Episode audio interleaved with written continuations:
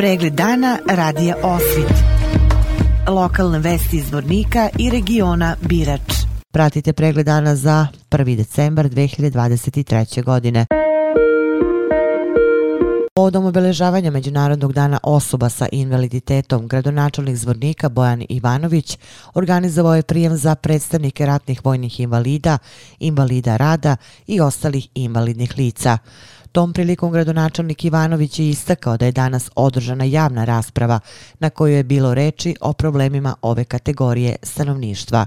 Bojan Ivanović. Povodom Međunarodnog dana invalidnih lica danas održavamo javnu raspravu na kojoj ćemo pričati o problematici ove kategorije stanovništva. Svjesni smo da ima problema i grad Zvornik maksimalno u skladu sa raspoloženim sredstvima i mogućnost nastoji da izađe ovim kategorijama stanovništva, da kažemo, u podršku.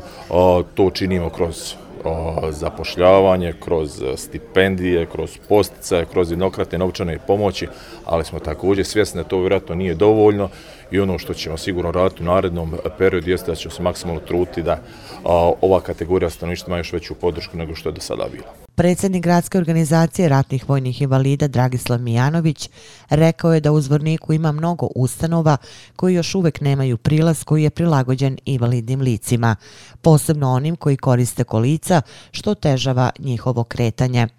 Dragislav Mijanović. Vi znate da Međunarodna zajednica i Ujedinjene nacije su usvojile dvije deklaracije. Znači, deklaracija je jedna osvojena 1983. godine u Ženevi, a druga je deklaracija usvojena 2005. godine u Madridu. E, te sve oba dvije te deklaracije podrazumijevaju zaštitu invalidnih lica e, i djece s posebnim potrebama. Šta reći u 21. vijeku, ovaj, vi sami znate koji smo građani zvornika, samo hodanje i šetnju gradom vidite da nema e, pristupačnih arhitektonskih barijera, da nema ovaj u javnim ustanovama da natpisi da invalidna lica imaju pristup pravo pristupa, u autobusima nema pravo pristupa, toaleti u javnim ustanovama od bolnice do doma zdravlja i područne ambulante nema ovaj toaleta za invalidna lica. Inače, eh, vidite da i mnogi izbjegavaju zapošljavanje invalidnih lica, e, bez obzira što u Republike Srpskoj postoji zakon da na svako 16 zaposlenih jedno je, je ovaj, jedno treba da bude zaposleno invalidno lice. Međutim, ni to se ne poštuje. Mnoga invalidi koji su sad radili u državnim ustanovama otpuštaju se. Znači, kad govorim invalidi, da li su ratni vojni invalidi, invalidi rada ili djeca s posebnim potrebama, nije bitno, oni su invalidno lice. Znači, konvencija o ljudskim pravima vrlo, vrlo se slabo poštuje. Edukacija djece u osnovnim pa i u vrtićima ne postoji da e, ulicom kad e, se puste djeca iz škole, da li su srednje školci, osnovci, oni ne gledaju da li ide invalidno lice sa kolicima, da se može ovaj, oni da se sklone, da propuste to ne. Nema svijesti kod ljudi i samih građana, bez obzira što je povećan broj invalidica od građanskog rata 95. godine pa na ovamo, to niko ne ovaj, ne, ne daje pažnju tim licima. Mi smo renovirali spomen obilježje gdje tu e, pristup imaju ratni vojni invalidi da odaju počast e, svojim saborcima. U samom kompleksu spomen obilježja ima spusnica, a prilazak e, trotuaru nema spusnice.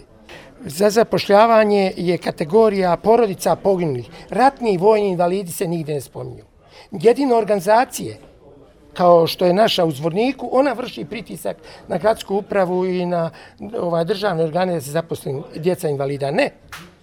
Djeca, 2200 e, i nešto je djece pali boraca nije zaposleno. I odakle da mi sad tražimo da se zapošljavaju djeca ratnima invalida? Ne bi bilo smisla. Jedino što smo imali pristup glinici, ovih par godina zadnjih pa su zaposlili dosta ratnih vojna lida i dosta djece ratnih vojna lida. A inače ostalo po širom e, Republike Srpske ne. Predsjednik Saveza invalida rada Zvornik Radenko Josipović istakao je da su invalidi rada na području Zvornika u veoma teškoj situaciji kako materijalnoj, tako i zdravstvenoj. Radenko Josipović. Invalidi rada su u vrlo teškoj, neizlaznoj situaciji. Jer zakon koji je donešen 12. godine i invalidima je rada oduzo sva invalidska prava. Svrsta nas kao da smo ošli u starosnu penziju i tu nam u startu od penzije oduzeli jednu trećinu. Dvije trećine od tjelesnog osjećenja i čak na čekovima od e, 2013. Godine na čekovima ono što je pisalo in ispred ovaj ček eh, ispred matičnog broja i to su izbrisali, znači nema invalida. Dalje, sve što smo tražili nismo dobili. A, ove godine u oktobru mjesecu u Prijedoru bio je ovaj sad novi ministar i to se dogovorili da li će šta biti, da li neće, ne znam. Ali kažem vam da smo vrlo, vrlo teškoj situaciji. Ja mogu da vam napomenem da za ovih deset godina, da računam ovu godinu, e, svaki invalid je izgubio od 8 do 12 hiljada maraka za ovih deset godina u para. Da je ostalo po, jer smo mi, kad je bio nacrt zakona o, o penzijskom invalidskom osiguranju, e, tri dana bili ubijeni i tačku po tačku, član po član, ovaj, sredili i dokrajčili i kad je bio prijedlog zakona, neko je to zbrisao naša prava i oduzeo sva prava. E, u Zorniku ima invalida, nešto malo fadi od hiljada invalida rada u penziji, a ima nas negde oko 120-150 ušanjeni ljudi. Gradonačelnik Zvornika Bojan Ivanović posjetio je korisnike u domu za starija lica u Kiseljaku i razgovarao sa njima o usluzi kojim ova ustanova pruža.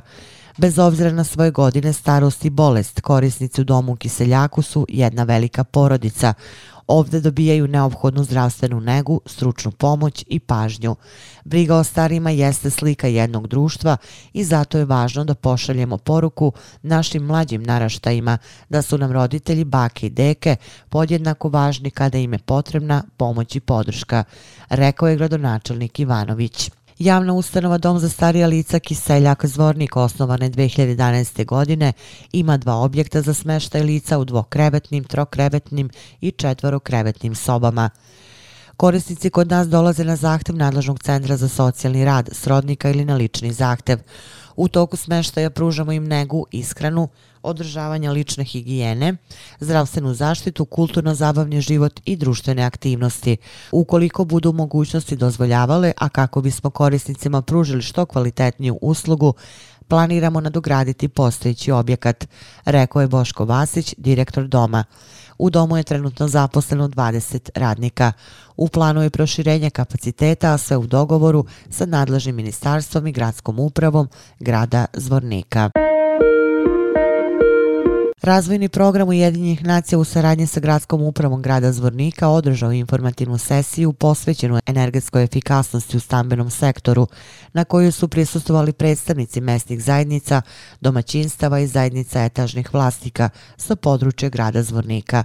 Tokom sesije koja se održava u okviru projekta dekarbonizacije u stambenom sektoru Bosne i Hercegovine, predstavljeni su osnovni elementi studijske energetske efikasnosti stambenih objekata, kao i podrška poboljšanja stambenog sektora u gradu Zvorniku. Gradonačelnik Zvornika Bojan Ivanović pozdravio je prisutne istakavši važnost upravljanja energetskom potrošnjom za zajednicu u celini. Grad Zvornik jedna je od 36 lokalnih samouprava koji su potpisale sporazum gradonačelnika za klimu i energiju i usvojili akcioni plan održivog upravljanja energijom i prilagođavanja prilagođavanja klimatskim promenama. Evropska unija napravila je klimatsko-energetski okvir do 2030. godine, a ciljem je smanjenje emisije gasova koji izazivaju efekt staklene bašte za najmanje 55%, dok je povećanje energetske efikasnosti planirano za 36%.